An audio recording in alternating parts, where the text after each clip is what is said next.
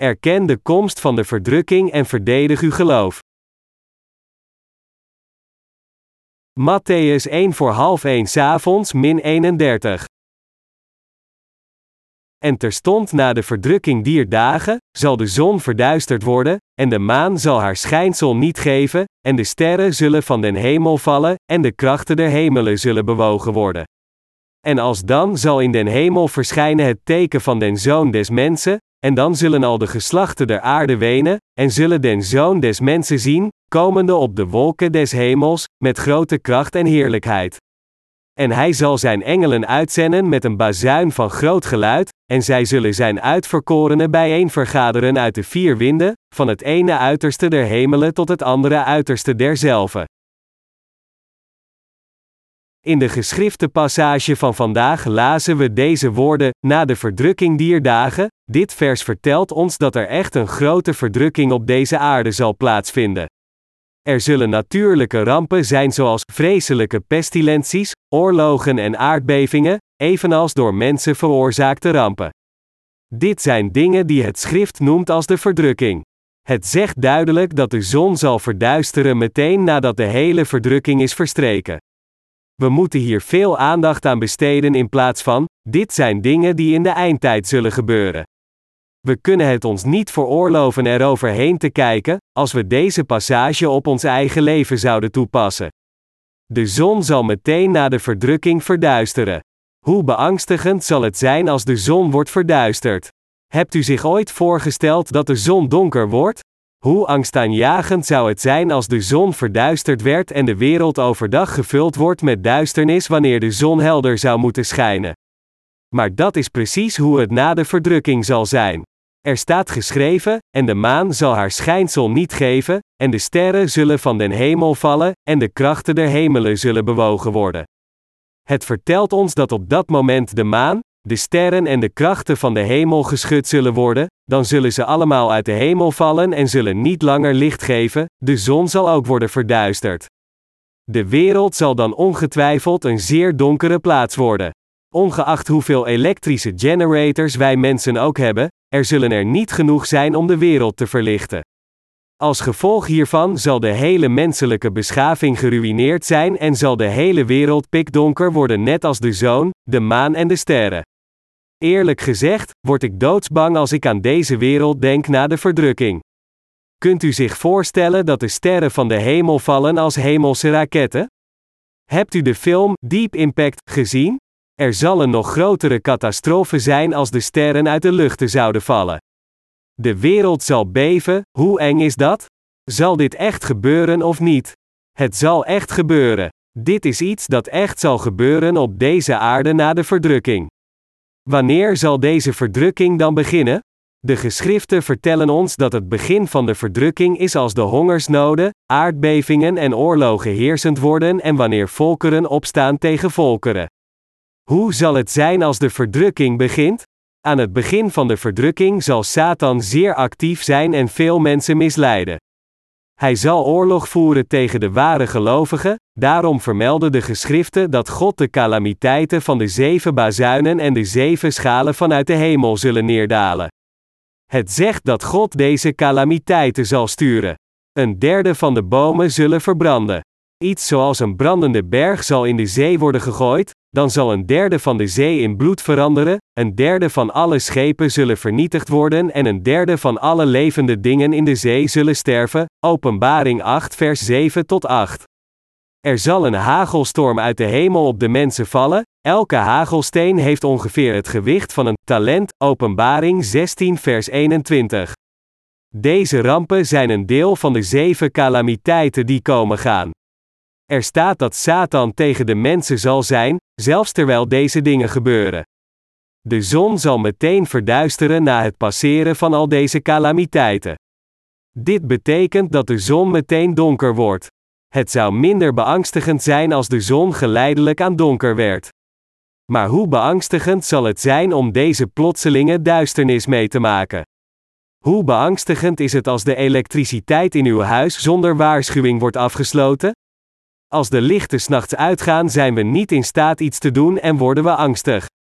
Hoe beangstigend zou het zijn als deze calamiteiten echt gebeuren na de verdrukking? Dat de zon verduisteren zal, de sterren uit de hemel vallen, en de krachten van de hemel geschud zullen worden, betekent dat het hele door God geschapen universum geschud zal worden, en het zal in absolute chaos zijn dat de hemellichamen van hun gevestigde banen breken, tegen elkaar botsen en wegvallen. Gedurende deze tijd zal het teken van de mensenzoon aan de hemel verschijnen, Matthäus half één avonds. Zou het niet zeer beangstigend zijn als de sterren aan de hemel tegen elkaar opbotsen met gewelddadige geluiden die we nog nooit gehoord hebben, zelfs met de elektrische lichten aan? Maar helaas zal er niet voldoende stroom zijn, hoe beangstigend is dat? De passage luidt: Dan zal in de hemel verschijnen het teken van de mensenzoon, dit betekent dat de Heer op dat moment zal verschijnen. Er staat geschreven: En dan zullen al de geslachten der aarde wenen, en zullen den zoon des mensen zien, komende op de wolken des hemels, met grote kracht en heerlijkheid. Mensen van alle verschillende stammen op deze wereld zullen zo bang zijn dat ze treuren wanneer ze de Heer zien komen als de Heer van het oordeel met grote kracht en glorie. De Bijbel zegt dat ze zullen schreeuwen en treuren als ze het teken van de komst van de Heer zien. Matthäus 1 over half 1 avonds zegt dat als de Heer komt, hij zijn engelen zal uitzenden met een bazuin van groot geluid, en zij zullen zijn uitverkorenen bijeen vergaderen uit de vier winden, van het ene uiterste der hemelen tot het andere uiterste. Het zegt dat de Heer zal komen op de wolken van de hemel met grote kracht en heerlijkheid, en hij zal zijn engelen uitzenden met een bazuin van geluid, en zij zullen zijn uitverkorenen bijeen vergaderen uit de vier winden, van het ene uiterste der hemelen tot het andere uiterste. Dit is wat het woord opname betekent in de tijd van de komst van de Heer. Het is de gebeurtenis van de Heer die de gelovigen van de aarde opheft. Daarom beschouw ik de ware wedergeboren gelovigen als zeer dierbare mensen. Ik denk en geloof ook dat de gelovigen, om het evangelie te delen voor de redding van zielen ook kostbaar is. We moeten trots zijn op het werk dat we in de Heer doen en elkaar behandelen als zeer speciale individuen in Christus, omdat deze dingen zeker op deze aarde zullen plaatsvinden, en de Heer zal zeker met grote kracht en glorie komen. Onze Heer zal zeker op deze manier komen, en wij de dierbare mensen van God die voor eeuwig met de Heer zullen leven nadat we zijn opgenomen. Daarom moeten we, terwijl we op deze aarde leven, echt voor elkaar zorgen. En we moeten ons geloof uitleven door te geloven dat we na de opname met de Heer in het duizendjarige koninkrijk en het eeuwige koninkrijk van de hemel zullen leven. Mijn oprechte verlangen voor iedereen die de verlossing van de zonde heeft ontvangen, is om echt voor elkaar te zorgen, om elkaar in de Heer te steunen en te leven met het begrip dat ieder van ons een kostbaar kind van God is. Soms heb ik deze gedachten in mijn hoofd. De Heer zal komen in een tijd dat dit hele universum, de hemel, de prachtige melkweg, als ook deze aarde volledig vernietigd en gesloopt zijn. Wat zal de Heer dan met deze vernietigde wereld doen? Zal de Heer een nieuw ontwikkelingsproject starten om de aarde opnieuw op te bouwen waarin we duizend jaar kunnen leven? Zeker niet, zo gaat het niet gebeuren. De Heer zegt de volgende woorden vaak in het boek van Openbaring: Ik maak alle dingen nieuw, Openbaring 21, vers 5. Als hij deze woorden zegt, bedoelt hij niet dat hij de wereld zal reconstrueren door volledig te vertrouwen op menselijke hulpbronnen en technologie door menselijke kracht te mobiliseren. We denken misschien, we zullen deze wereld nooit kunnen reconstrueren als het universum volledig wordt vernietigd, maar ik geloof dat de Heer die alles in dit universum geschapen heeft een nieuwe wereld kan creëren.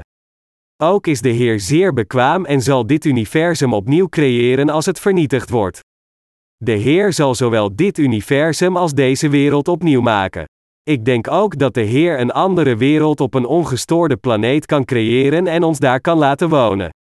In ieder geval geloof ik dat het de kracht van de Heer is dat Hij ons zal toestaan om met de Heer als koningen duizend jaar over de wereld te regeren en dan voor eeuwig gelukkig te leven in het hemelse koninkrijk. Als we naar onszelf kijken, inclusief het werk dat we doen, ben ik ervan overtuigd dat we dit waardevolle werk doen. We zullen worden opgenomen wanneer de tekenen van de komst van de Heer verschijnen na de verdrukking. De Heer zei dat Hij eerst de gelovigen die in het graf slapen, zou opwekken en dan de engelen zou sturen om de wedergeboren gelovigen uit alle hoeken van de wereld te verzamelen. Alle wedergeboren gelovigen, dood of levend, zullen worden getransformeerd en naar de hemel worden opgeheven op het moment dat de Heer in de lucht verschijnt, en dat onze lichamen zullen worden getransformeerd in spirituele lichamen die nog verslechteren, nog oud worden. Het woord in openbaring zegt duidelijk dat God 144.000 Israëlieten zal kiezen, 12.000 van elk van de twaalf stammen, en hen zal redden door een zegel op hun voorhoofd te plaatsen. Het boek van Openbaring zegt verder dat ontelbare mensen gekleed in witte gewaden voor de Heer zullen staan en Hem loven.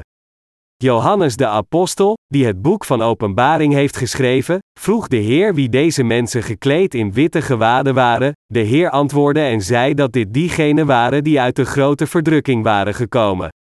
Dit betekent dat de Heer in de eindtijd vele, vele mensen zal redden. Gedurende deze tijd zullen diegenen die de redding hebben ontvangen door in de redding van de Heer te geloven, die al hun zonde had weggevaagd, weerstand bieden aan en ongehoorzaam zijn aan de heerschappij van de Antichrist en worden gemarteld. Dit betekent dat, tijdens de verdrukking, veel mensen zullen geloven in de Heer als hun verlosser en zijn zaligmaking door het water en het bloed, en daarmee hun leven op het spel zetten. Dan zal de Heer diegenen transformeren die nog steeds leven en de zaligmaking van de Heer hadden ontvangen. De geschriften verklaren dat de Heer hen zal opheffen, hen zal beschermen, hun lichamen zal transformeren in hemelse lichamen die nooit zullen verslechteren en hen voor eeuwig glorieus en gelukkig maken. Ik geloof dit. Gedurende deze eindtijd zullen veel mensen gaan geloven in dit evangelie dat wij nu prediken. Tijdens de verdrukking zullen diegenen die in het evangelie van het water en de geest geloven hun geloof met hun levens verdedigen, en velen zullen martelaars worden voor hun geloof. Ik geloof dat er een groot aantal mensen de authentieke zaligmaking in de eindtijd zal ontvangen. Dat is waarom ieder van ons zo kostbaar is. Ieder van ons die nu de authentieke zaligmaking heeft ontvangen en de Heer in deze wedergeboren kerk dient is kostbaar. Dat is waarom we voor elkaar zorgen, elkaar steunen, onze krachten bundelen om de Heer te dienen en als één gezin voor God samenleven. In feite zijn al de mensen op deze wereld die de vergeving van zonde in God hebben ontvangen, één familie. Het is een zegen om als één familie te leven en elkaar met liefde te ondersteunen en voor elkaar te zorgen tot de dag van de komst van de Heer. Ik geloof dat we echt van elkaar moeten houden voordat we de Heer ontmoeten. Daarom moeten we in de kerk kijken om te zien of er zielen zijn die zorg nodig hebben, zielen die de verlossing van zonde moeten ontvangen, zielen die moeilijke beproevingen ondergaan omdat we niet goed voor hen gezorgd hebben. We moeten elkaar bezoeken en voor elkaar zorgen en elkaars geloof aanmoedigen en ondersteunen. Het woord van God zoals vastgelegd in deze Bijbel zal zeker gebeuren. Tragisch genoeg geloven mensen dit niet omdat ze zo onwetend zijn. Het woord van God zal echt uitkomen. Ik ben er zo vaak getuige van geweest en ik ervaar het ook op dit moment. Soms vervloek ik in mijn hart diegenen die dit kostbare evangelie uitdagen door te zeggen: U zult zeker vervloekt worden. Wees vervloekt. Word vervloekt door God en kom terug naar de Heer als nederige bedelaars met niets. Er waren veel gevallen waarin dit echt gebeurde zoals ik dacht. Ik zag wat er met hen gebeurde en besefte dat Gods vloek ook op mij rust als ik God uitdaag. Alle mensen die niet wedergeboren zijn, zullen uiteindelijk deze realiteit onder ogen zien. Wanneer mensen die niet de wedergeborenen zijn tegen Gods kerk ingaan, en als de wedergeboren mensen hen in hun hart vervloeken, zal deze vloek zeker op deze mensen vallen die tegen Gods kerk zijn ingegaan. God maakte Abraham de bron van zegen. En hij zei: En ik zal zegenen, die u zegenen, en vervloeken, die u vloekt, en in u zullen alle geslachten des aardrijks gezegend worden. Genesis 12, vers 3. Mensen moeten de ware wedergeboren mensen herkennen en vriendelijk voor hen zijn als ze gezegend willen worden. Mensen ontvangen de grootste zegen van hun leven, door de vergeving van zonde te ontvangen, wanneer de wedergeboren mensen dit evangelie met hen delen. Als de rechtvaardigen ze echt naar de hel willen sturen, het enige dat ze moeten doen, is hen gewoon met rust laten en het evangelie niet met hen delen. Ze hoeven er verder niets voor te doen. Zo gebeurt het echt. Hoe slim en machtig ook iemand is, als iemand die niet wedergeboren is, door de rechtvaardige zou worden vervloekt door te zeggen: U zult vervloekt worden, is hij vervloekt. Wat we moeten onthouden: de wedergeborenen kunnen zoiets niet ongegrond doen, maar als iemand een vijand van de rechtvaardige wordt en hun hart heel hard pijn doen, dan kunnen de wedergeborenen zo'n vloek opleggen. Er zijn aanwijzingen dat dit gebeurde waarbij sommigen feitelijk zijn gestorven als gevolg van een vloek. Een paar jaar geleden werd een van onze zusters lastiggevallen en vervolgd en werd het haar door haar grootvader verboden om de kerk van God te bezoeken. Dus bad deze zuster in haar hart: God, neem alstublieft mijn grootvader weg, want hij zal het ware evangelie nooit accepteren en blijft me tot het einde vervolgen, en het is echt uitgekomen.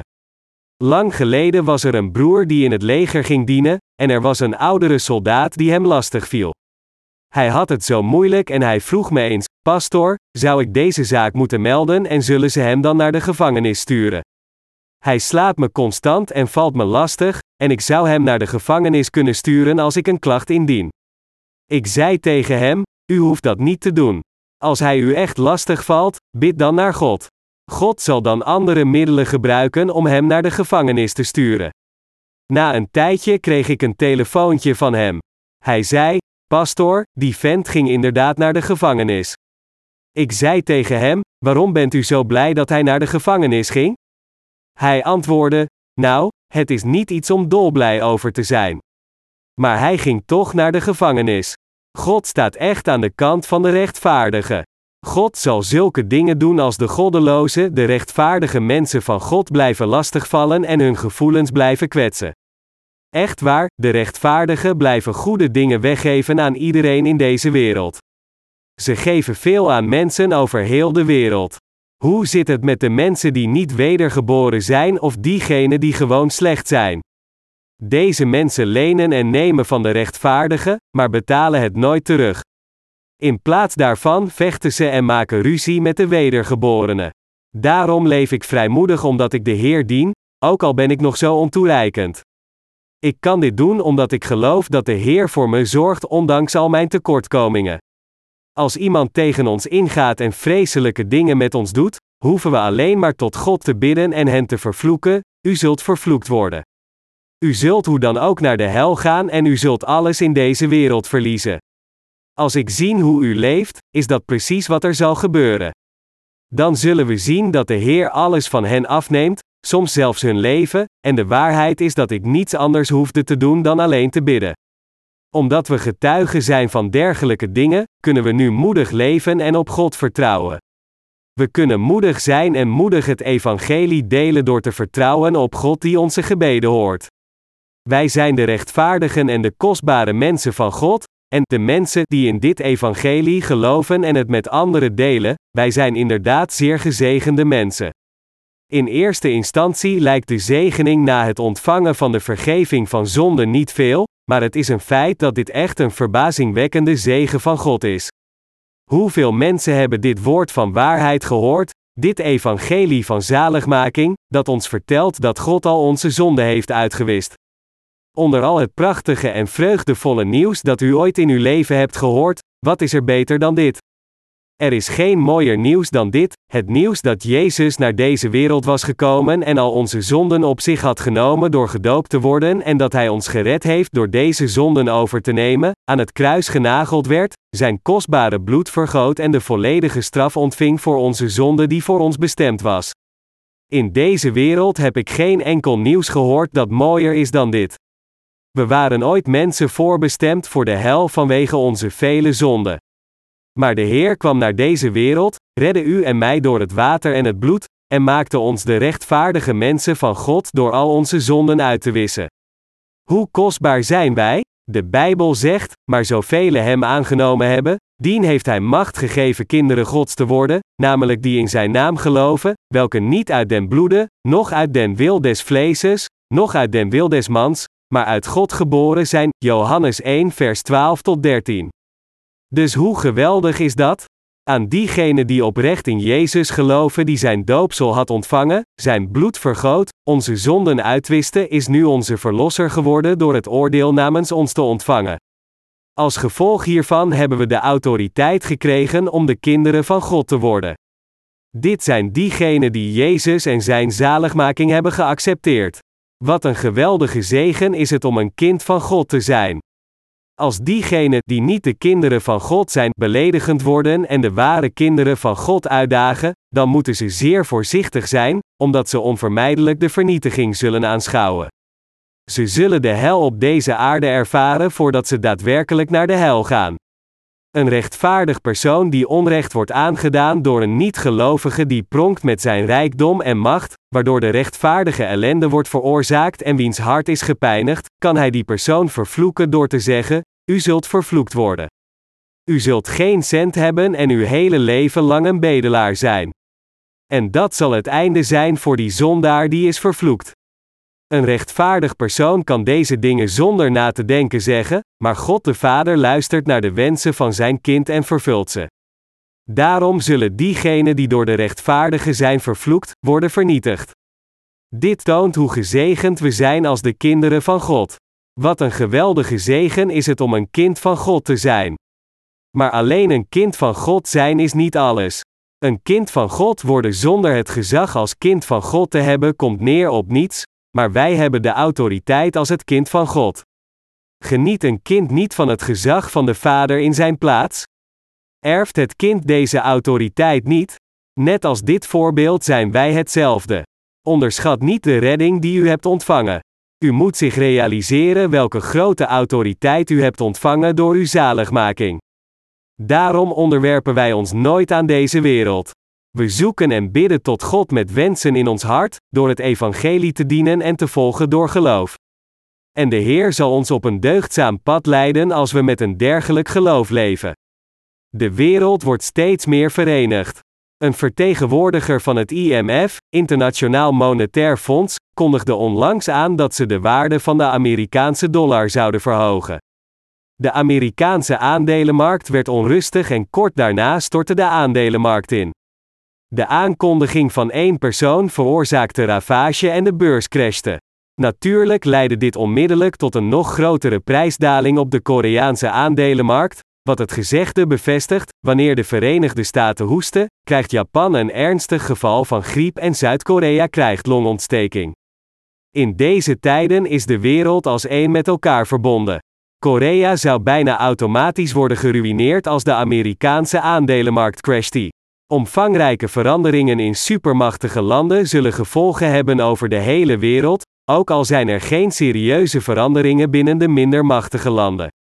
De wereld is nu als een enkel organisme dat een onderling verbonden relatie heeft, die bewegen als tandwielen in de wielen die gesynchroniseerd zijn met elkaar. Veel vreemde weerspatronen en fenomenen doen zich tegenwoordig overal ter wereld voor. Als er een drastische verandering in het weer is, moeten we niet achteloos zeggen: Nou, er was een verandering in de weersomstandigheden. Dat soort verandering is niets. Maar u weet ongetwijfeld heel goed dat een rampzalig weerfenomeen in één land grote economische en ernstige gevolgen voor uw land zou kunnen hebben. We leven in zeer precaire tijden. Dit is de periode vlak voor de verdrukking. We moeten weten dat de aarde niet altijd vredig beweegt. De aarde beweegt zich nu met een hint van chaotisch gevaar. Natuurrampen zullen niet alleen op aarde gebeuren, maar ook buiten de atmosfeer van de aarde, waardoor satellieten en andere elektronische apparatuur in de ruimte onbruikbaar worden. Deze wereld zal plotseling worden geconfronteerd met de verdrukking. Oorlogen zullen ook overal uitbarsten alsof het onbedoeld is. Mensen zullen tegen elkaar zijn en volkeren zullen tegen volkeren opstaan. Een raket, zeg maar massavernietiging, kan onbedoeld op een ander land worden afgevuurd, en dat land dat door de raket wordt geraakt, zal niet zomaar niets doen. Het zal op dezelfde manier reageren en op die manier zal een oorlog uitbreken. De Verenigde Staten ontwikkelen tegenwoordig ruimtestations buiten de atmosfeer van de aarde, uitgerust met lasterstralen die raketten neer kunnen schieten in de vliegzone van een bepaald land dat de raket afvuurde. Hoewel de Verenigde Staten dit daadwerkelijk doen, is het probleem dat de hele wereld niet beweegt volgens de Amerikaanse plannen. Daarom is de hele wereld tegenwoordig erg bezorgd over China. China heeft een enorme bevolking en er is nauwelijks een effectieve maatregel tegen de menselijke cijferstrategie, die beweert: probeer ons weg te vagen als u kunt. China zal een land worden dat in de eindtijd grote macht zal uitoefenen. We ervaren nu al dat de invloed van China in de wereldgemeenschap aanzienlijk toeneemt.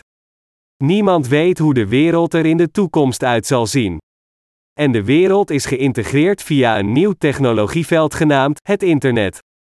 Via het internet kunnen mensen verbinding maken met een oneindige opslag van informatie en kunnen overal ter wereld terecht. De hele wereld kan op elk moment met elkaar communiceren en een bezoek brengen aan de Verenigde Staten via het internet. Dit is echt geweldig omdat u niet veel geld nodig hebt om deze oneindige hoeveelheid informatie en kennis te delen. Koreaanse mensen in de Verenigde Staten zijn in staat met hun families hier in Korea te communiceren door gewoon de computer en een camera te gebruiken. Niet alleen dat, een boek van honderden pagina's kan binnen enkele seconden worden verzonden met een gecomprimeerd bestandsformaat. De Chinese vertaler van onze boeken in China stuurde de Chinese versie van ons eerste boek via e-mail in een gecomprimeerd bestandformaat. Hoe geweldig is het dat we het bestand gewoon kunnen decomprimeren, afdrukken en bekijken? Hoe duur zou het zijn en hoe lang zou het duren als we dit via een postdienst doen? Maar ze comprimeren gewoon het bestand in China en klikken op de knop verzenden, en we ontvangen het enkele seconden hier in Korea, achter onze computer. We leven in een tijdperk waarin de wereld met een verbazingwekkende snelheid verandert. De wereld is echt zo veranderd. Zelfs dit zal binnenkort ouderwet zijn. Dit is een tijdperk waarin 100.000 goed getrainde internethackers bruikbaarder zijn dan 1 miljoen soldaten.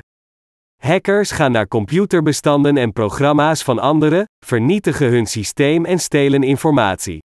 Het is als een spion of een guerrilla die in cyberspace werkt. Er zijn tegenwoordig niet veel dingen die we niet met een computer kunnen doen. Dat is hoe sommige gewetenloze mensen de computer gebruiken om bankcomputers te hacken, geheime wachtwoorden voor de rekeningen van anderen krijgen en geld naar hun eigen rekeningen overzetten. Ze zitten gewoon achter een computer en maken het geld van anderen eenvoudig over naar hun eigen rekeningen. Omdat creditkaarten meer dan contant geld worden gebruikt, moet u creditkaarten heel voorzichtig gebruiken. U moet altijd en overal voorzichtig zijn met het gebruik van creditkaarten en ze natuurlijk niet uitlenen aan anderen. Een tijdje geleden ben ik naar een zakelijk productententoonstelling voor kleine bedrijven in mijn stad Changchun City geweest. Ik wilde een specifiek product kopen, en de verkoper drong erop aan dat ik met mijn kredietkaart zou betalen. Ik wilde het betalen met contant geld, maar de verkoper wilde dat ik mijn kredietkaart zou gebruiken. Hij zei dat hij me korting zou geven als ik mijn kredietkaart zou gebruiken, maar zo is het tegenwoordig. Maar ik vertrouw deze mensen niet. Hoe weet ik dat ze geen kopie van mijn kredietkaart maken en het illegaal gebruiken? Ik kan er niets aan doen, ook al denkt u dat ik een beetje te cynisch ben. Ik heb veel twijfels over veel dingen. Ik denk, nee, ik kan u beter niet mijn kredietkaart geven. Waarom neemt u geen contant geld aan? Normaal is het beter voor een verkoper om te verkopen voor contant geld. Contant geld is altijd beter dan een kredietkaart. Waarom wilt u mijn kredietkaart? U krijgt waarschijnlijk iets van de kredietkaartmaatschappij, er moet een reden zijn waarom u liever een kredietkaart gebruikt dan contant geld. Zo gaat het in onze tijd. Ik hoop dat u begrijpt dat we op de drempel van de grote verdrukking staan. Ik wil het evangelie met de hele wereld en de mensen om ons heen delen omdat we niet precies weten wanneer de verdrukking werkelijk zal beginnen. We zullen nog steeds in staat zijn het evangelie te delen zelfs wanneer er natuurrampen, oorlogen en aardbevingen heersend beginnen te worden, maar we zullen niet in staat zijn het evangelie zo actief te delen zoals we nu doen. Hoe kunnen we het evangelie vrijelijk tijdens de verdrukking delen? Hoe kunnen we krachtig werken via het internet, samenkomen om aanbiddingsdiensten te houden of naar Gods woord te luisteren, broederschap delen, boeken publiceren en samen het brood delen? Hoe kunnen we al deze dingen doen? Dat kunnen we op dat moment niet doen. Dat is waarom we het evangelie nu delen. We delen het evangelie met heel onze harten ook al hebben we veel gebreken. Hoewel ik niet in staat ben de wereld te redden van de verdrukking met bovennatuurlijke krachten in een handomdraai zoals Superman, kan ik het evangelie delen om veel mensen van hun zonde te redden, en dat is veel kostbaarder. We werken er hard aan om het evangelie zo snel mogelijk te verspreiden. Dat is waarom we boeken publiceren en hen via het internet verdelen. We hebben niet veel mogelijkheden om iets anders te doen, dus blijven we veel boeken publiceren en verspreiden onder de mensen zodat zij ze kunnen lezen en in Jezus gaan geloven. Om u de waarheid te zeggen, onze boeken zijn als spirituele nucleaire bommen. In het begin nemen mensen het niet zo serieus, maar als ze onze boeken blijven lezen, zullen ze gaan zien: Jezus wist al mijn zonden op die manier uit, en gaan ze geloven en ontvangen de vergeving van zonde. Het kan zijn dat sommige lezers van onze boeken niet meteen gaan geloven, maar als de verdrukking op deze wereld valt, zullen ze zich de waarheid realiseren en zeggen: Er is geen hoop behalve voor de ontvangst van zaligmaking van God, en in Gods woord geloven. Ten tijde van de verdrukking zullen de harten van veel mensen goed voorbereid zijn op de oogst. Mensen die geen hoop hebben, kunnen niet anders dan te wachten op de zaligmaking van God. In dit hopeloze tijdperk is er geen andere hoop behalve het geloof in Gods zaligmaking. Dit is grootste hoop, de ultieme hoop en de meest uitgesproken hoop. Hoeveel mensen denkt u dat de vergeving van zonde zullen ontvangen?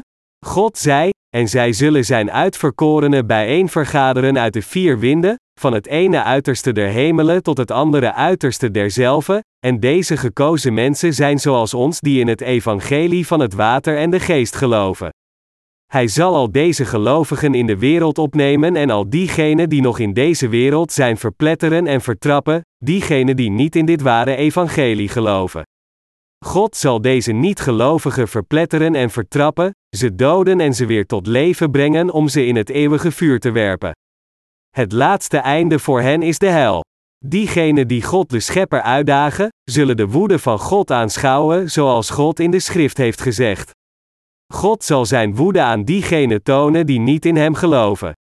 Als een persoon tegen een andere persoon ingaat, is het ergste dat er kan gebeuren dat iemand gedood wordt. Maar als iemand de Heer God de Schepper uitdaagt, dan zal deze persoon in het eeuwige vuur worden gegooid. Dat is het eerlijke oordeel van God. Het is prima om elkaar uit te dagen en spelletjes te spelen tussen mensen, maar een persoon zal in het eeuwige vuur eindigen als die persoon niet in Jezus Christus gelooft, die dit hele universum heeft geschapen, rebelleert tegen en hem uitdaagt. God zal laten zien wat een grote zonde het is om tegen hem in opstand te komen en hem uit te dagen. 2 Thessalonicense hoofdstuk 1 zegt met vlammend vuur wraakdoende over degene, die God niet kennen, en over degene, die het evangelie van onze Heere Jezus Christus niet gehoorzaam zijn. Mensen worden niet uitgesloten van het oordeel alleen omdat ze niet in God geloven vanwege hun onwetendheid. Denkt u dat dat God zal sussen? Laten we 2 Thessalonicense 1 op 6 min 8 samen hardop lezen. Alzo het recht is bij God verdrukking te vergelden dengene, die u verdrukken, en u, die verdrukt wordt, verkwikking met ons, in de openbaring van den Heere Jezus van den hemel met de engelen zijner kracht, met vlammend vuur wraak doende over degene, die God niet kennen, en over degene, die het evangelie van onze Heere Jezus Christus niet gehoorzaam zijn. Deze geschrifte passage zegt dat er een eeuwige straf van vernietiging zal zijn voor diegenen die God niet kennen. Diegenen die God niet kennen, lijken enigszins op de beesten die vergaan, Psalm 49 op 20. U was heel goed in staat om te zien dat er een God is en dat Hij de Almachtige God is, de Schepper van het universum, door alleen maar te kijken naar Gods grote schepping, Romeinen 1 vers 20, en mensen zullen niet in staat zijn om aan het oordeel te ontsnappen door te zeggen dat ze niet geloofden omdat ze God niet kenden. Mensen zullen hun oordeel ontvangen op basis van hun ongeloof. Een student die de antwoorden niet weet op de toets vragen omdat ze het materiaal niet bestudeerd hebben, zullen een onvoldoende ontvangen. Op dezelfde manier zal God een persoon volledig afwijzen als een niet-gelovige, als die persoon God niet kent die kwam door het water en het bloed. Dit betekent dat God de ongelovigen naar de Heer zal sturen, hen in het vuur zal gooien en de vlammen zal aanwakkeren. Marcus 9 vers 49. Het werk dat Jezus hier op aarde volbracht, is dit evangelie. Dit evangelie betekent het goede nieuws. Het evangelie heeft de kracht om een persoon in één slag van zijn zonde te verlossen. Het woord kracht wordt in het Grieks vertaald als dynamis en in het Engels krijgen we het woord dynamiet. Onze Heer heeft al onze zonden op zich genomen door het doopsel en ons gered door het oordeel aan het kruis namens ons te ontvangen. Wat een gezegend nieuws is dit, en hoe krachtig, zoals dynamiet. Werden de zonden die in ons hart zaten niet verwijderd sinds we het evangelie hoorden en erin geloofden? Jezus heeft mijn zonde weggenomen door zijn doopsel en het volledige oordeel van die zonden ontvangen. Alle zonden van de wereld werden aan Jezus overgedragen. Daarom hebben we als gevolg van deze rechtvaardige daad niet langer zonde. De kracht van het evangelie is zeker zoals de explosieve kracht van dynamiet. We hadden veel zonden in onze harten, maar deze werden uitgewist met één enkel slag door dit fantastische evangelie. Het evangelie heeft deze kracht. Het evangelie van het water en de geest heeft deze kracht omdat dit het ware orthodoxe evangelie is. Door op zijn manier wedergeboren te worden, gaan wij naar de hemel en worden de kostbare kinderen van God, waarbij we deze autoriteit als de kinderen van God verwerven door gehoorzaam te zijn en in dit evangelie te geloven. En door deze hemelse autoriteit als de rechtmatige kinderen van God te ontvangen, zullen we over deze wereld regeren. Daarom, opnieuw geboren worden door in dit evangelie van het water en de geest te geloven, gaf God ons echt een grote zegen. Hoewel het volgens de wereldse normen misschien niet zo lijkt, is er niemand die een grotere zegen heeft ontvangen dan u en ik, terwijl we Gods woord als de ultieme waarheid beschouwen. Er is niemand op deze wereld die een grotere zegen heeft ontvangen dan u en ik, zelfs als we lijden door de vele uitdagingen en moeilijkheden in ons leven en niet in staat zijn om veel dingen te doen die mensen van de wereld graag doen. We zijn echter oprecht gezegend. Er is niemand die een grotere zegening heeft ontvangen dan ons, zelfs als we nu op dit moment zouden sterven. We hebben deze geweldige genade ontvangen. Daarom zijn we altijd vol tevredenheid in ons hart. Hoewel we misschien uit de mode lijken en een kleine groep zijn, hebben we toch zo'n grote autoriteit en zegeningen van God ontvangen. Zijn wij precies zo'n mensen? Dat is de reden waarom de mensen die de vergeving van zonde hebben ontvangen zichzelf niet met elkaar moeten vergelijken zoals de wereld dat doet. Ze moeten elkaar niet haten, maar van elkaar houden en elkaar helpen wanneer ze kunnen. We moeten elkaar door geloof helpen, broederschap samen delen en leven als één lichaam van Christus tot de dag van de komst van de Heer. Niemand onder ons zou op de reis van geloof moeten vallen. Zelfs de apostel Paulus zei: Zo dan, verroost elkander met deze woorden, 1 Thessalonicensen 18 over 4. Ik zeg ook tegen u dat u elkaar moet troosten. We moeten ons realiseren dat we heel gezegend zijn. We moeten voor elkaar zorgen en het evangelie dienen, wetende dat we niet veel tijd meer hebben. Als we het evangelie delen tot het moment dat we niet meer in staat zijn dit te doen, zal de verdrukking duidelijk worden. En als de periode van verdrukking tot een einde komt, zal de zon verduisteren en de maan zal geen licht meer geven, de sterren zullen uit de lucht vallen, en de krachten van de hemel zullen geschud worden. Dan zal de Heer komen. De tekenen van de komst van de Heer zullen in de hemel verschijnen.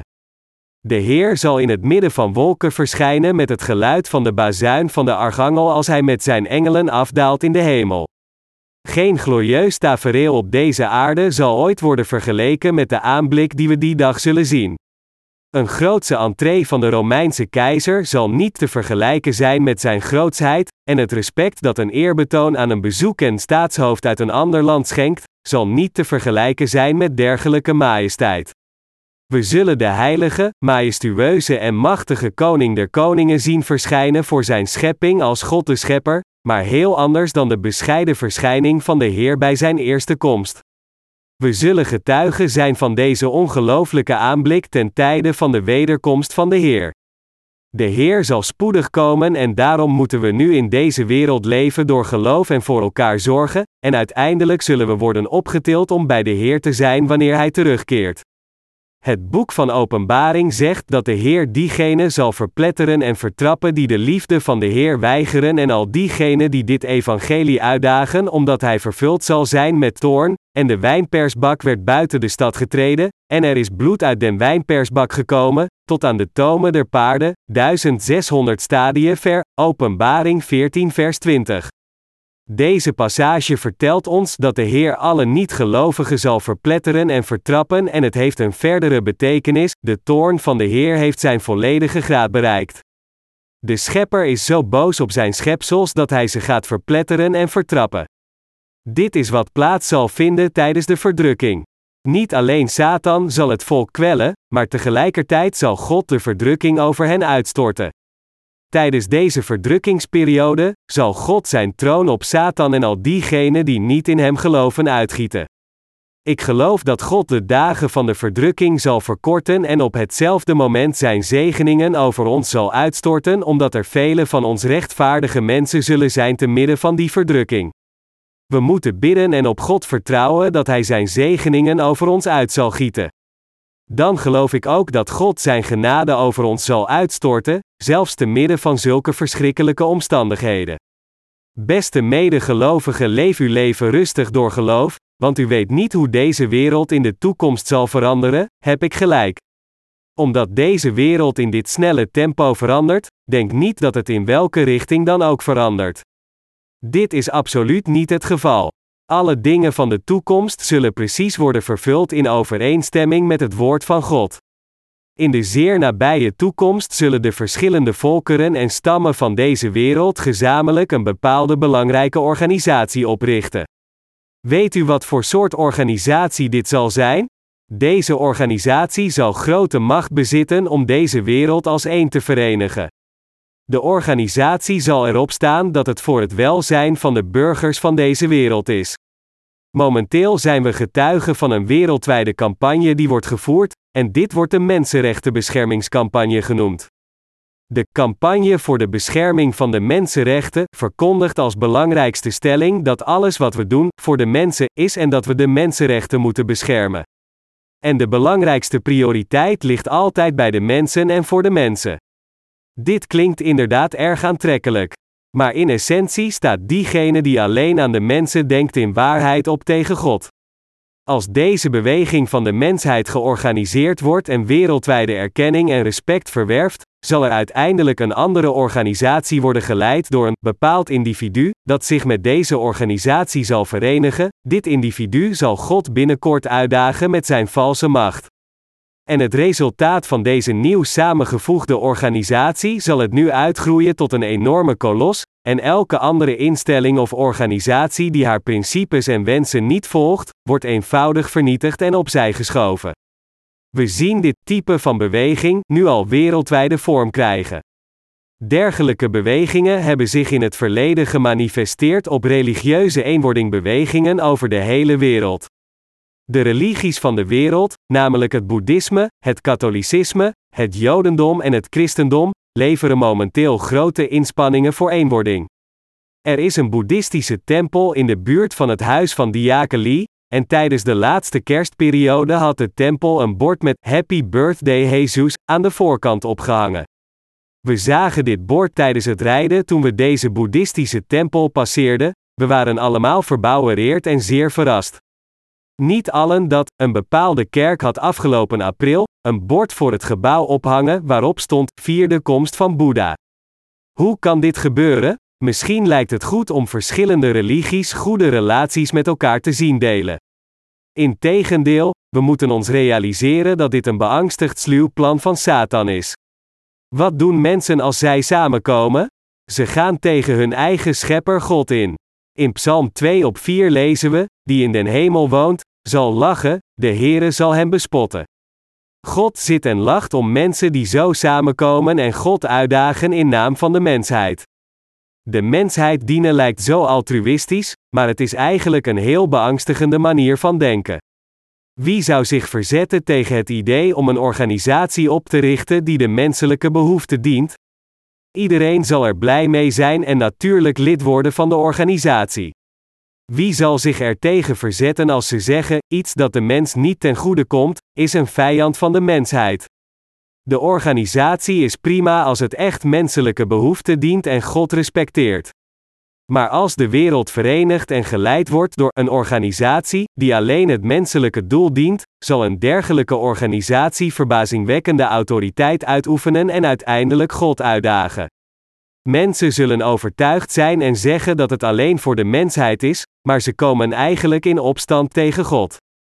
Ook al moeten we in God geloven, als we alleen maar de menselijke behoeften zouden dienen, zullen mensen dan zeggen: het maakt niet uit of mensen in het boeddhisme, islam of Confucianisme geloven. We moeten ze met rust laten. Ze moeten doen wat ze willen. Waarom houden jullie vol dat wij allemaal in een bepaalde religie moeten geloven als een mast? Waarom moeten we in één God geloven? Dat is vervolging van mensenrechten, geen bescherming daarvan. Het is tegen de bescherming van de mensenrechten, en als gevolg hiervan zullen ze vervolgen en ingaan tegen degenen die alleen in God geloven. Mensenrechtenbewegingen zullen in de eindtijd over de hele wereld sterk de overhand krijgen.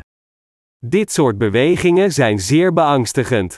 De gedachten eraan laat mijn haar rechtop staan van angst. Aangezien ik getuige ben van een trend als deze, denk ik bij mezelf: wauw, dit is een ongelooflijk grote beweging die alleen mogelijk is in deze tijd. Als dit zo is, waren er dan geen mensenrechtencampagnes in de vorige eeuw?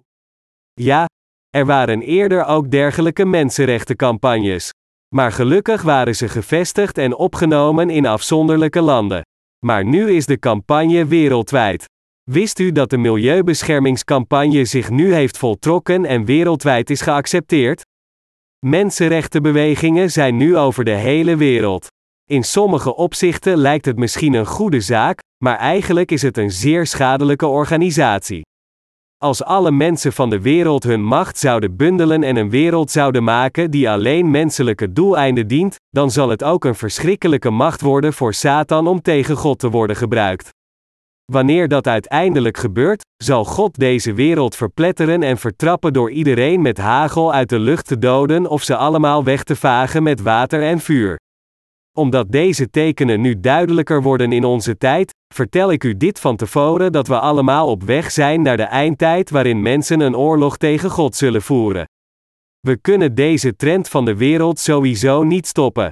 Daarom moeten we onze inspanningen niet verspillen om te voorkomen dat de wereld tegen God opkomt. We moeten gewoon doen wat van ons wordt verwacht. Denkt u dat deze dingen zullen gebeuren? Misschien zijn er mensen die denken dat deze dingen alleen zullen gebeuren afhankelijk van de hoeveelheid commotie die we creëren. We moeten gewoon trouw zijn aan de grote opdracht van de Heer om dit geweldige evangelie over de hele wereld te verspreiden. Tegen het einde van dit jaar zullen we dit evangelie met ongeveer de helft van de wereld kunnen delen als we trouw zijn aan deze taak. Volgens mijn evaluatie van dit jaar heb ik er alle vertrouwen in dat dit kan worden bereikt. Diegenen die stilletjes hun best doen om hun toevertrouwde werk te doen, creëren geen commoties. Zulke mensen gaan gewoon rustig door met hun werk, en het lijkt misschien niet veel. Maar uiteindelijk konden we zien dat er ongelooflijk veel werk is verricht. Het is allemaal omdat ze in een redelijk en consistent tempo hebben gewerkt, wat heeft geresulteerd in substantiële resultaten. Wij geloven dat alles op deze aarde volbracht zal worden zoals het vermeldt in Gods woord. En ik geloof met heel mijn hart dat de laatste dagen niet meer heel ver weg zijn. Daarom moeten we onszelf nog meer disciplineren en de overgebleven dagen toewijden aan de prediking van het evangelie, omdat de geschriften verklaren: de dag van de Heer zal komen als een dief in de nacht.